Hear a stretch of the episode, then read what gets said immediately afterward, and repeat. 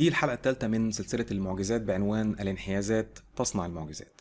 زي ما بقول إن نشأة الأديان كانت ضرورة تطورية لإخماد حالة الطرف الفكري التي انتابت البشرية على شكل أسئلة معظمها لا إجابة حقيقية لها.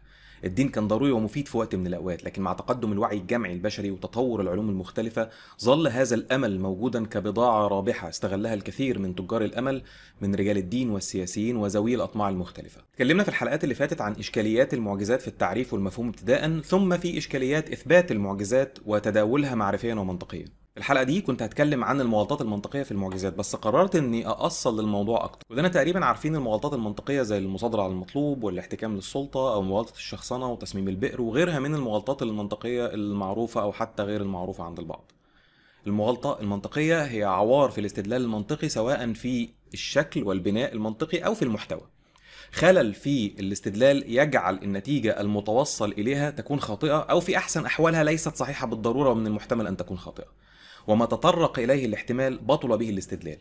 لكن إيه السبب اللي بيوقع الناس في التحليل الخاطئ ده وبيتسبب في الوصول لنتائج غلط من المقدمات؟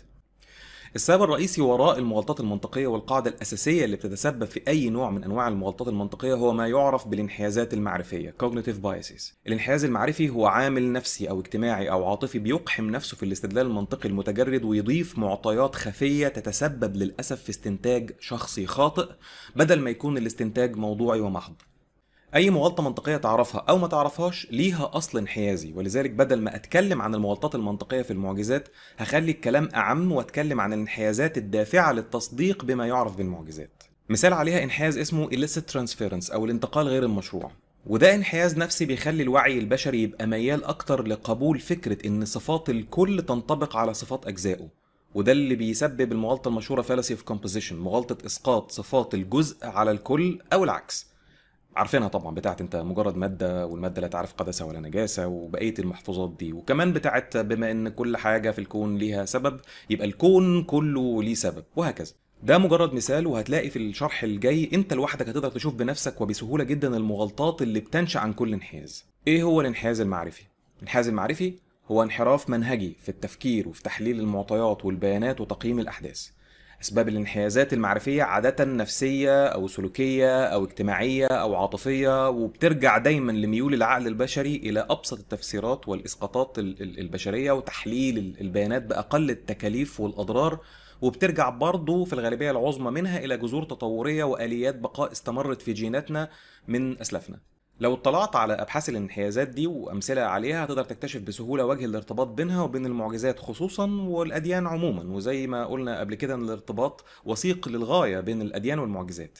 مش هتقدر تتكلم عن أي دين أو تقنع حد بيه إلا لما تتكلم عن المعجزات. رفض كل المعجزات بكل أنواعها الحسي والمعنوي والتاريخي والنبوءات هو بالضرورة رفض للدين نفسه. ولو حضرتك شايف إنك تقدر تثبت دينك من غير أي حاجة من دول بالمنطق والحجة العقلية فقط يا ريت تفضل توريني إزاي هتعمل ده. حتى الآن أبحاث كتيرة بتتكلم عن أكتر من 180 انحياز معرفي. عشان نسهل البحث نقدر إننا نقسم الانحيازات دي لثلاث أقسام وفي كل قسم هنشوف مجموعة من الانحيازات المهمة بالنسبة لموضوع البحث بتاعنا. الثلاث أقسام من الانحيازات دي هي كالتالي انحيازات متعلقة بالاعتقادات الشخصية والسلوكية انحيازات متعلقة بإشكاليات الذاكرة انحيازات متعلقة بالسلوك الاجتماعي أو المجتمع عموما. بالنسبة للقسم الأول المتعلق بالمعتقدات هنلاقي انحيازات كالتالي الانحياز الانتباهي أو ال attentional bias الانحياز الانتباهي هو إنك تفسر الأحداث بناء على تصوراتك الشخصية خصوصا تلك الأكثر تاثيرا فيك متجاهلا الاحتمالات الأخرى والأحداث الأخرى غير المؤثرة. لما تسأل واحد مؤمن هل إلهك بيستجيب لدعائك؟ فورا هيقول لك آه طبعا. والدليل أنا مرة دعيت ربنا بكذا واستجاب لي. عشان هي دي المرة المؤثرة في تفكيره لكنه تجاهل آلاف المرات الأخرى اللي دعا فيها ولم يستجب ليه ربه. انحياز تاني قريب من ده وهو الانحياز التأكيدي أو ال confirmation bias وهو قريب جدا من الانحياز الانتباهي بس بيشتغل بطريقة تانية. إن الشخص يكون عنده اعتقاد مسبق ويدور هو بنفسه على كل الأدلة والقرائن اللي تثبت وجهة نظره متجاهلا الأدلة الأخرى اللي تثبت إن رأيه غلط. إنك تكتب في محرك البحث فضيحة فلان الفلاني. أو تكتب الردود على شبهات الملحدين. أو حتى العكس كل ده انحياز تأكيدي والحل بسيط إنك ما تكونش منحاز في بحثك وتسمع من كل الاطراف وتحلل بنفسك. إنحياز الحقيقة الوهمية أو الالوزري تروث افكت هو إنك تبقى منحاز لتصديق حدث ما لمجرد إنك سمعته كتير ورددته كتير أنت وكل اللي حواليك. وده قريب برضه لل bandwagon effect وال availability heuristic وال availability cascade تصديق حاجة لمجرد إن كم كبير من الناس مصدقينها. ال groupthink أو سلوك القطيع معقولة يعني كل الناس دي مصدقين المعجزات؟ يعني كل الناس دول أغبياء وأنا بس يعني اللي جبت الديب من ديله؟ من ضمن أشهر الانحيازات المعرفية ما يعرف بال agent detection أو التحيز لفاعل مدرك. ال agent detection هو الميل لإرجاع أسباب الأحداث إلى تدخل فاعل مدرك سواء ذلك كان صحيحا أم لا.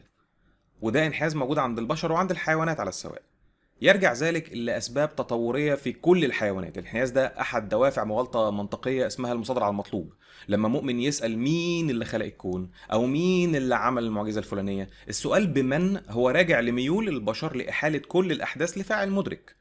اللي انت شايفه معجزة ده ممكن يكون مجرد حدث طبيعي ولكنه نادر جدا. عدم اعتيادك عليه لا يعني بالضرورة انه وراه فاعل مدرك قاصد. من الانحيازات والمغالطات الخفية برضو ومتعلقة بكمية المعلومات هي مغالطة أو انحياز ال conjunction fallacy ودي شبه ال base rate fallacy بس ال base rate fallacy متعلقة أكتر بالاحتمالات الشرطية وبتستخدم أكتر في منهج العلمي. ال conjunction fallacy هو الانحياز اللي بيخلينا نتجاوز الحالة العامة والاحتمال الأكبر ونركز قوي على الاحتمال الأقل كثيرا والأكثر ندرة فانت مثلا مقتنع تماما بانتظام قوانين الكون وهو حاجة شبه يقينية وإن اختراق قوانين الكون احتمال يكاد يكون معدوم. ومع ذلك فلما تشوف حادثة معينة أنت أول مرة تشوفها تلاقي نفسك بترجح مباشرة إنها حدث خارق ومعجزة وسحر. مع إن زي ما قلنا إن ده احتمال يكاد يكون مهمل وتتجاهل تماما ال ال ال الاحتمال ال ال الغالب الساحق إنها ممكن تكون مجرد ظاهرة أنت ما تعرفهاش. وإن قوانين الكون في الغالب الساحق هي برضه ما بتتغيرش. من الانحيازات الأخرى اتنين قريبين من بعض ال boomerang effect وال backfire effect الاثنين دول بيتكلموا تقريبا يعني عن نفس السلوك بس بفروق بسيطة وهو إن لما حد يواجه بأدلة قوية على عكس معتقده ده بيخليه يتمسك أكتر باعتقاده لأسباب نفسية بحتة. وده إحنا بنشوفه كل يوم وكل شوية وفي كل حتة لما تثبت لحد إن دينه فيه أخطاء علمية أو أخلاقية أو غيرها يقول لك والله ما زادني هذا إلا تمسكا بديني. خد معاهم كمان ال conservatism وال Semmelweis effect وهو تجنب النظر في أدلة معارضة لمعتقدك. يا عم الحاج أنا مؤمن إن الله هو خالق الكون وإن محمد نبي والقرآن معجزة وعشت على كده ما توجعش دماغي بقى. ودي نظرية معروفة في علم النفس اسمها The Theory of Psychological Reactance. وما ينفعش ننسى ال belief bias أو الانحياز العقدي وهو الانحياز اللي بيخلي معيار التصديق والتكذيب بتاع أي حاجة بيعتمد على مدى توافق النتيجة بتاعه الحجة دي مع عقيدتك. طالما الحجة اللي بقولها لك نتيجتها إن القرآن كتاب بشري وإنت مسلم يبقى أكيد الحجة دي غلط أو مغالطة منطقية معروفة يعني. قريب منه برضه ال subjective bias أو الانحياز الشخصي وهو إنك ترجح إن حاجة صح لمجرد إن عقيدتك بتقول إن هي صح. ال congruence bias أو انحياز التطابق وال experimenter bias هو الميل للحكم الشخصي على حدث معين دون الالتفات للاحتمالات الأخرى. أنا بقول لك أنا شفت المعجزة وأنا اتأكدت بنفسي إن هي معجزة. وهنشوف كمان شوية إزاي الذاكرة بتساعد في ده. من الحاجات المهمة جدا برضو في موضوع الأديان والمعجزات ال Dunning-Kruger effect وال overconfidence effect. ودول بيتكلموا عن الانحياز للوثوق المبالغ فيه في الإجابات والمعلومات الشخصية وفي القدرات الشخصية أكبر بكتير من الحقيقة. ال Dunning-Kruger effect بيتكلم عن إزاي الأشخاص الأقل كفاءة بيبقوا أكثر ثقة في أنفسهم وفي إجاباتهم. ومبالغين جدا في تقدير ذواتهم في حين العلماء نفسهم بيكونوا أكثر تشككا في, في أنفسهم وفي إجاباتهم. تلاقي العلماء والباحثين بيستخدموا مصطلحات زي ربما احتمال أغلب الظن الراجح عندي حتى الآن يمكن في المستقبل نلاقي كذا. أما الإخوة المتدينين فهم أكثر الناس يقينا وامتلاكا للحقيقة المطلقة. وعارفين الكون حصل إزاي وإيه اللي هيحصل بعد الموت وإيه اللي حصل من 1400 سنة أو 2000 سنة فاتوا بالظبط ومين قال لمين إيه وإن المعجزة الفلانية حصلت يقينا عشان فلان قال أو مجموعة من الناس قالوا يستحيل تواطؤهم على الكذب أو إن ربنا قال كذا في القرآن أو في الكتاب المقدس. والكوميدي في الأمر إنهم بيعتبروا هذا النوع من عدم اليقين والانفتاح على الاحتمالات شيء سلبي وإن ادعاء أو توهم امتلاك الحقيقة المطلقة هو الأحسن. وحتى ده ليه سبب نفسي وهو انحياز تاني برضه اسمه ال ambiguity effect وهو ميل الشخص لتجنب أي احتمال يؤدي إلى نتيجة مجهولة. يعني لما تقول لي طيب لو مفيش أديان هيحصل إيه للإنسان لما يموت؟ أقول لك ما أعرفش هيحصل إيه. وما عنديش أي إجابة أقدر أقولها لك تكون مدعومة بأدلة. تقول لي آه طيب خلاص طالما ما تعرفش يبقى خلاص الدين صح عشان بيقول إن في حياة أبدية بعد الموت. ممكن يقبل أي إجابة بدون دليل على إنك تقول له ما أعرفش فلما تلاقي نفسك واثق قوي كده وحاسس إنك امتلأت بالحقيقة المطلقة اليقينية خلي بالك عشان أغلب الظن أنت بتعاني من تأثير الانحيازات النفسية دي. والشيء بالشيء يذكر برضو من الانحيازات السلوكية اللطيفة دي انحياز اسمه social comparison bias أو انحياز المقارنة الاجتماعية. وهي الميل لقبول أي مخالف ليك بس ما يكونش من نفس مجتمعك ولا في مواجهة مباشرة لفكرك أنت. زي ما تلاقي واحد من الإخوة المؤمنين يقول لك الملحد الغربي ده ده حد باحث ومحترم وعالم انهم الملحدين العرب دول شوية جهله ودرجة ثالثه ومش فاهمين حاجة ولا بيقدموا أي فكره محترم. ها؟ واخد بالك أنت؟ وطبعا مش هنقدر ننسى الانحياز اللذيذ اللي اسمه الباريديوليه وهو إنك تشوف صور عشوائية ما بس وعيك يترجم لك الصور دي لرسالة معينة عشان تتطابق مع اعتقاد عندك أو ميول شخصي. إنك تترجم مشاهد أو صور أو أصوات وتنحاز لوجود نمط ما يوافق هوى عندك في حين إن الموضوع يكون عادي جدا ولا رسالة ولا حاجة مجرد احتمال وارد. آخر انحياز في القسم ده هو نوع مهم من الانحيازات اسمه ال zero risk bias أو انحياز تجنب المخاطر وهو الميل لتصديق وتبني وجهة النظر التي تؤدي إلى أقل مخاطر محتملة. فاكرين رهان باسكال؟ فاكرين السؤال اليومي بتاع هتعمل إيه لو مت واكتشفت إن الإسلام هو الصح وهتقول ربنا إيه؟ وآيات التهديد والعذاب والوعيد اللي بالمئات اللي بيكتبوها المؤمنين عند كل اللادينيين لو في رسالة حقيقية تقدر تستنتجها من النوع ده من التعليقات هي إنهم هم نفسهم مؤمنين عشان خايفين بس. وعشان حتى لو طلع مفيش إله يبقى ما خسرناش حاجة. فخلينا في السليم أحسن. في انحيازات كتير تحت بند الانحيازات النفسية والسلوكية بس هكتفي بكده وهسيبكم تطلعوا على المصادر لمزيد من المعلومات. القسم الثاني من الانحيازات هو الانحيازات المتعلقة بإشكاليات الذاكرة.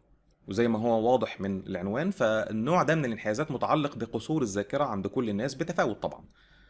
دي الانحيازات المتأثرة بتشويه الذاكرة كليا أو جزئيا بالحذف أو الإضافة أو التعديل. وخليني بس أشرح لكم ده بيحصل ليه. علماء علم النفس وخصوصا علماء الذاكرة زي سام وانج وساندرا املت وجيفري نيفيد في كتابه Essentials of Psychology كاتب عن الذاكرة التالي. قد نعتقد أن ذكرياتنا تعكس بدقة الأحداث التي شهدناها أو اختبرناها لكن الذاكرة الشخصية قد لا تكون موثوقة كما نعتقد. علماء الذاكرة يرفضون فكرة أن الذاكرة تعمل مثل كاميرا الفيديو التي تسجل نسخ دقيقة من الخبرات الشخصية. ولكن الذاكرة الشخصية هي وفقا للنظرية الإنشائية مجرد استعراض أو إعادة بناء للماضي وليست نسخة حرفية. الدماغ يحيك معا قطع من المعلومات لإعادة بناء الذكريات. عملية إعادة تركيب الأحداث هذه يمكن أن تؤدي إلى ذكريات مشوهة للأحداث والخبرات. قد يخترع الدماغ تفاصيل لنسج قصة أكثر تماسكا من تجاربنا الماضية.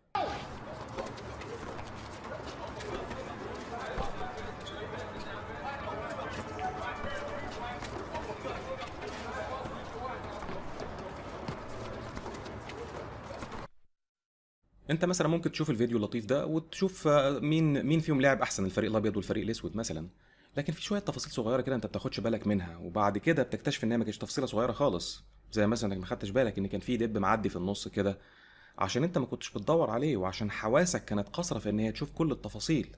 فبالتالي لما حد يسألك بعد كده انت شفت إيه هتحكي بس إن كان في مباراة كرة سلة ما بين فريق أبيض وفريق أسود. من الانحيازات دي ال false memory bias. أو انحياز الذاكرة الخاطئة. وهو إن الشخص يخلط ما بين التهيؤات والذاكرة. بس اللي بيعزز ده بقى انحياز اسمه ال misinformation effect bias. وهو إن الذاكرة بتاعت الأحداث اللي حصلت في الماضي بتتأثر بأحداث حصلت بعدها في المستقبل. إنك أنت شخصيا تبقى شفت حدث معين بس كلام الناس بعدها يخليك تشك في نفسك وتبدأ تظن إنك أنت شفت حاجة تانية. ضيف عليهم كمان انحياز اسمه source confusion effect وهو إنك تخلط معلومات سمعتها بتجربة أنت عاصرتها.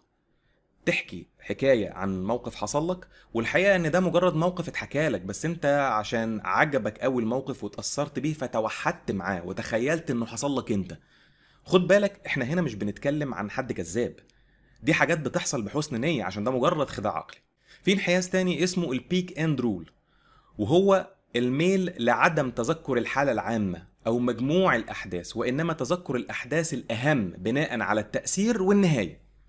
فالناس مش هتفتكر الأحداث العادية اللي تجزم إن شخص ما هو مجرد شخص عادي لا نبي ولا إله متجسد ولا أي حاجة بس بناء على حادثة واحدة غير واضحة المعالم وبناء على إنه انتصر في النهاية خلاص يبقى أكيد عمل معجزات وعجائب ونتجاهل كل حاجة تانية تثبت إنه ما ينفعش يكون نبي.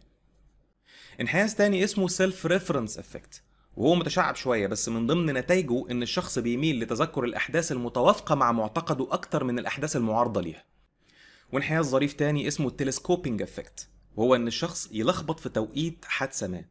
يعتقد إن الحادثة حصلت بدري أكتر من وقتها أو متأخر عن وقتها الحقيقي. يعني الواحد يبقى مش عارف الآية دي نزلت بعد ما مات أبو لهب ولا قبل ما يموت مثلا. يعني حاجة زي كده. واللي بيحكم ده إن انحيازات تانية زي توافقها مع المعتقد مثلا. وفي كمان ال Travis syndrome وهو إن الشخص يبقى فاكر بس أجزاء من الحادثة لكن مش كل حاجة. عشان زي ما قلنا الشخص بيلفت نظره وبيركز بس في الجزء المبهر بالنسبة له مش بياخد باله من تفاصيل تانية بتبقى مهمة في تحليل الموقف. ممكن تحكي لي إنك شفت ساحر بيعمل خفة يد ويغير ورقة كوتشينة عشان أنت مركز في الحدث الأهم وهو النتيجة النهائية لكن مش بتاخد بالك من تفاصيل حركة إيده مثلا. ولما تروح تحكي اللي شفته هتحكي بس الجزء المبهر بالنسبة لك أنت. وده كمان اللي بيسموه ال bizarreness effect وهو ميل الشخص لتذكر فقط الأحداث العجيبة أكتر من غيرها القسم الثالث من الانحيازات هو ما يخص الانحيازات الاجتماعية النوع ده من الانحيازات متعلق بخطأ البشر في تقدير أو تقييم أو تبرير سلوكياتهم أو سلوكيات الغير. عندك مثلا ال authority bias وهو الميل لتصديق آراء الشخصيات ذات المكانة الاجتماعية أو العلمية حتى لو كان الرأي ده خارج اختصاصهم. وده طبعا زي ما هو واضح يعني سبب مغالطة التوسل بالسلطة. من الانحيازات الاجتماعية المشهورة برضو وقريب شوية لانحياز سلوكي اتكلمنا عليه هو illusion of external agency. وهو إن الشخص ينسب أفعاله وتفضيلاته الشخصية لفاعل آخر مطلق الحكمة أو حالي بيها. إحنا الروح القدس فينا بس ربنا هدينا. وربنا سبحانه وتعالى ألهمني أو وفقني للحاجة الفلانية. وما رميت إذ رميت ولكن الله رمى وبقيه الحاجات ديت. وفي طبعا للأسف الانحيازات الاجتماعية المتعلقة بالمجموعات وعقلية القطيع زي ال in-group bias وهو ميول البعض للتعامل بشكل مختلف مع الناس بناء على انتماءاتهم لنفس مجموعتهم. ومنها برضو انحياز اسمه shared information bias اللي هو ميل الأفراد في نفس المجموعة لتداول ودراسة المعلومات المشتركة بينهم والمتفق عليها بين الأغلبية منهم والابتعاد عن فحص وتحليل المعلومات اللي قليل منهم بس يعرفوها أو اللي بتتعارض مع عقيده المجموعة.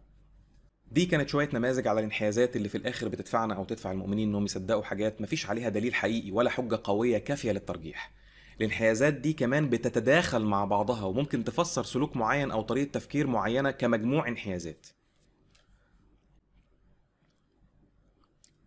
مثال بسيط عليها تجربة زي دي. تجربة بيعملها باحث في علم النفس على مجموعة من الناس بيوريهم صور عادية للناس. كل مرة يعرض على الشخص صورتين ويطلب منه يختار صورة لشخص يحس إنه هيرتاح في الشغل معاه كزميل من مجرد شكله في الصورة. كل واحد بيختار صورة من الصورتين. كل مرة الباحث بيستبعد الصورة اللي الشخص ما اختارهاش. وبعدين بيرجع يعرض عليه الصور اللي اختارها وبيسأله اشمعنى اخترت الصورة دي مش الصورة التانية. بس قبل ما بيعمل كده يقوم بخفة يد يبدل الصور ويجيب له صوره هو ما اختارهاش هو استبعدها لما اتعرضت عليه اول مره ويوهمه ان هو اختارها ويساله عن السبب يوم الشخص يعمل إيه بقى يقدم مبررات ليه اختار الصورة دي بدل التانية مع انه أصلا ما اختارهاش هو استبعدها Why did you prefer to work with this person? She looks super sweet. So that was what you were thinking when you chose that? Chose her? I feel like she'd be one of those girls that would like on the birthdays get you the card and she just looks really sweet. لكنه بيدافع عما يظن هو اختياره ويسترسل ويحكي ويبرر بكل إخلاص وإقناع. يا ترى أنت كمان في إيه في حياتك ما اخترتوش ومع ذلك بتفضل تبرر ليه؟ يا ترى أنت ورثت أفكار ومعتقدات إيه من مجتمعك ومحيطك ومتخيل إنك أنت اللي اخترت بنفسك وإنك مقتنع تماما إن ده اختيارك وبتستمر في التبرير والمنطقة باستماتة ليه؟ لكن هل تعتقد إن الشخص وهو بيفكر في معتقده بيبقى حاطط في دماغه موضوع الانحيازات ده وبيقول آه أنا عايز أقلل الأخطار وأبقى ماشي مع القطيع يبقى خلينا نختار الإسلام مثلا. طبعا لأ. كل الانحيازات دي هي ميول نفسية وخدع من الوعي وبقايا تطورية الشخص بيقع فيها بشكل لا إرادي. مش كده وبس. لا ده كمان هيحاول يمنطقها ويخترع لها أسباب كمان وده في حد ذاته انحياز تاني برضه اسمه ال choice-supportive bias أنت ممكن تقول لا يمكن في مسلمين أو مسيحيين وارثين فعلا ومتحيزين إنما أنا لا. أنا بحثت ودورت وعلى قناعة تامة إن هو ده الحق اليقين بالحجة والدليل والبرهان. هم عندهم تحيز إنما أنا لا.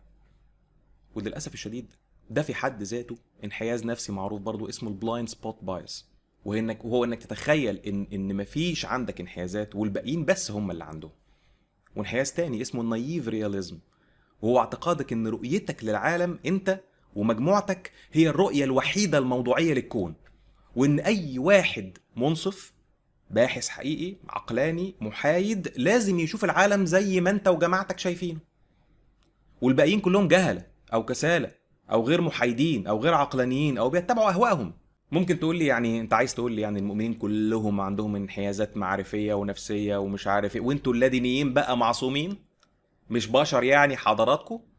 أول ما هتسيب الدين يعني هتاخد تطعيم يعني ضد الانحيازات المعرفية؟ أكيد لأ. كل الناس عندها انحيازات معرفية بشكل أو آخر. ده موضوع نفسي وليه أصول تطورية. الفكرة والفرق هنا هو إنك أنت إزاي بتوازن حكمك على الأمور والأفكار المعروضة قدامك بالشكل اللي تحاول بيه تحييد كل الانحيازات دي بقدر الإمكان. بناء على اللي شرحته من الانحيازات اللي فوق في رأيك مين الأقرب إن تكون أفكاره مدفوعة بالانحيازات دي؟ اللي وارث الدين والأفكار الدينية عموما ولا اللي خرج منها؟ المقتنع بأفكار دينية داخل فيها أفكار قطيع وأغلبيات ومسيطر عليها فكرة الطمع في الجنة والخوف من النار والخوف حتى من الاضطهاد المجتمعي ولا اللي خرج من الأفكار دي؟ اللي باني حياته على معجزات ونصوص من آلاف السنين وبيصدق أفكار غيبية زي الجن والملائكة والعفاريت بشكل دائري عشان موجودة في النصوص المقدسة ومفيش عليها عشر معشار دليل. ولا اللي بيقول لك إن كل الاحتمالات واردة عندي يا سيدي بس بنسب مختلفة بس اديني دليل عقلي أو علمي وأنا أصدق. مين اللي انحيازاته مأثرة عليه أكتر؟ اللي بيدعي امتلاك الحقيقة المطلقة بدون أدلة حقيقية ولا اللي بيقول لك أنا مش عارف بس الأدلة مش مقنعة حتى الآن؟ وما عنديش إجابات لكل حاجة لكن بتبع الدليل والعلم والحقائق الكونية الموضوعية اللي ملهاش علاقة بالبشر أصلا فضلا عن إنه يكون ليها علاقة بانحيازاتهم. الانحيازات دي في حد ذاتها مش أمراض نفسية محتاجة تتعالج. الحقيقة إنه الانحيازات دي كانت ضرورة تطورية في فترة من الفترات مش للإنسان بس لا ده كمان أسلاف البشر وحتى الكثير من الحيوانات حتى الآن. في انحياز اسمه ال loss aversion bias أو انحياز تجنب الخسارة. موجود عند البشر والقرود وهو ميل الشخص إلى الاحتفاظ بما لديه الآن أكتر من ميله للمغامرة للحصول على المزيد. يعني لو معاك 10 دولار في إيدك مثلا هتبذل مجهود للحفاظ على ال 10 دولار دي أكتر ما هتبذل مجهود للحصول على فلوس زيادة. انحياز تجنب المخاطر اللي اتكلمنا عليه موجود تقريبا في كل الحيوانات. مثلا لو الحيوان سمع صوت غريب حواليه احتمال يكون حيوان مفترس واحتمال يكون مجرد هواء بيحرك الأغصان ومع ذلك الحيوان هيفضل السلامة ويهرب. والسلوك ده هو اللي حافظ على النوع. وبالرغم من هذا من إن هذا السلوك حافظ على النوع وكان ضرورة تطورية لكن هذا لا يعني أن افتراض وجود حيوان مفترس كان حقيقيا. وده الفرق المهم اللي دايما بتكلم عليه. مش لازم تكون الحقيقة سعيدة. ومريحة ليك ودايما تكون في صالحك ولا في صالح بقائك ولا, ولا بقاء ال ال ال ال نوعك. عشان الكون بالحقائق اللي فيه غير مديون ليك ولا بالبقاء ولا بالسعادة ولا مديون ليك بإجابات. ما ينفعش نفصل حقائق الكون على مقاسنا. الصح إننا نبحث ونحاول نعرف الحقائق دي وأسبابها ونتائجها ونفصل إحنا حياتنا على أساسها. في نظريات في علم النفس بتتكلم عن نشأة أو ظهور الكهنة أو رجال الدين أو الأنبياء زي ثنائية القطبية وهي نوع تاني من من الذهان وبتكتر فيه الضلالات والهلاوس الدينية وزي صرع الفص الصدغي وبرضه بتحصل فيه هلاوس سمعية وبصرية وإن كان ما فيش فيه ضلالات إلا لو كان معاه فصام. بس حتى لو أخدنا النظرية الأخف منها وهي اضطراب الشخصية الفصامية ففي الديانة الشمانية مثلا وهي أقدم الديانات أو أقدم الممارسات الدينية المعروفة الأبحاث الحديثة بترجح وجود جينات فصام عند الشمان أو الكهان أو سحره ال- القبيلة. لكن نوع الفصام ده مش هو السكيتسوفرينيا المعروفة بس ده نوع تاني أخف شوية في الأعراض اسمه schizotypal personality disorder اضطراب الشخصية الفصامية وهو اللي بيسبب التفكير السحري. الخرافي وإبداع الطقوس الدينية العجيبة ديت وأوهام العظمة والمرجعية الفكرية و... و... وكان ده طبعا ليه تأثير إيجابي جدا على البقاء بفضل قدرة الدين على توحيد الناس حول فكرة واحدة. أنت تحت تأثير ال- ال- التهديد أو الترغيب ممكن تشتغل أحسن وتنتج أكتر ولما تكتشف إن التهديد أو الترغيب ده مثلا كان خدعة أدائك هيقل هيختلف هتتكاسل. هي دي طبيعة البشر. ولكن هذا لا يعني إن التهديد أو الترغيب هو أسلوب صح ولا يعني إنه كان حقيقة لمجرد إن نتيجته على الأرض كانت أحسن. زي ما قلنا في بحث الأخلاق قبل كده إن الناس المفروض تعمل الصح عشان هو صح في ذاته مش عشان خايفين من العقوبة أو طمعانين في مكسب غير تعميم السعادة وتقليل المعاناة. مفيش مشكلة إني أمشي ورا بعض ال- ال- الانحيازات لو ده هيخليني في أمان أكتر ويحافظ على بقاء النوع أو التكاثر لكن خليك دايما فاكر إن ده لا يعني إن قرارك كان مبني على حقيقة يلخص الكلام ده ببساطة دكتور ديفيد دانينج نفسه صاحب نظرية الدانينج كروجر إفكت But how do I even know he's an expert? Maybe I only think he is because of my cognitive biases. Well, your insecurities have done a number on you. Uh, Adam, these biases are something to be aware of, but nothing to feel bad about. They're just a part of human life, and they actually come from something quite useful. They're the byproducts of the shortcuts our brain uses in order to analyze information quickly uh, in a complex world. And often their analysis is right, but not always. And that's where we have to be careful. Okay, but how? Well, first, actively consider, don't neglect what you don't know. Second, solicit feedback. There's uh, accuracy in numbers. And do consider all the alternatives Don't just do the first thing that pops into your head. And if you really want to avoid the Dunning-Kruger effect, become more competent. Uh, always seek to be always learning. Well, learning is my entire thing. And our show's process is built around seeking feedback. That's why we have writers and researchers and speak to experts like you. Wow, thank مفيش حد مننا معصوم من الانحيازات المعرفية لكن في حد بيعترف انها موجودة وبيجاهد نفسه عشان يتجنبها في حياته وفي قراراته المصيرية وحد تاني بينكرها وبيخليها تسوء حياته تماما ويفضل عايش في وهم إن قراره عقلاني وموضوعي ومحايد ويسيب تجار الأمل يلعبوا بيه.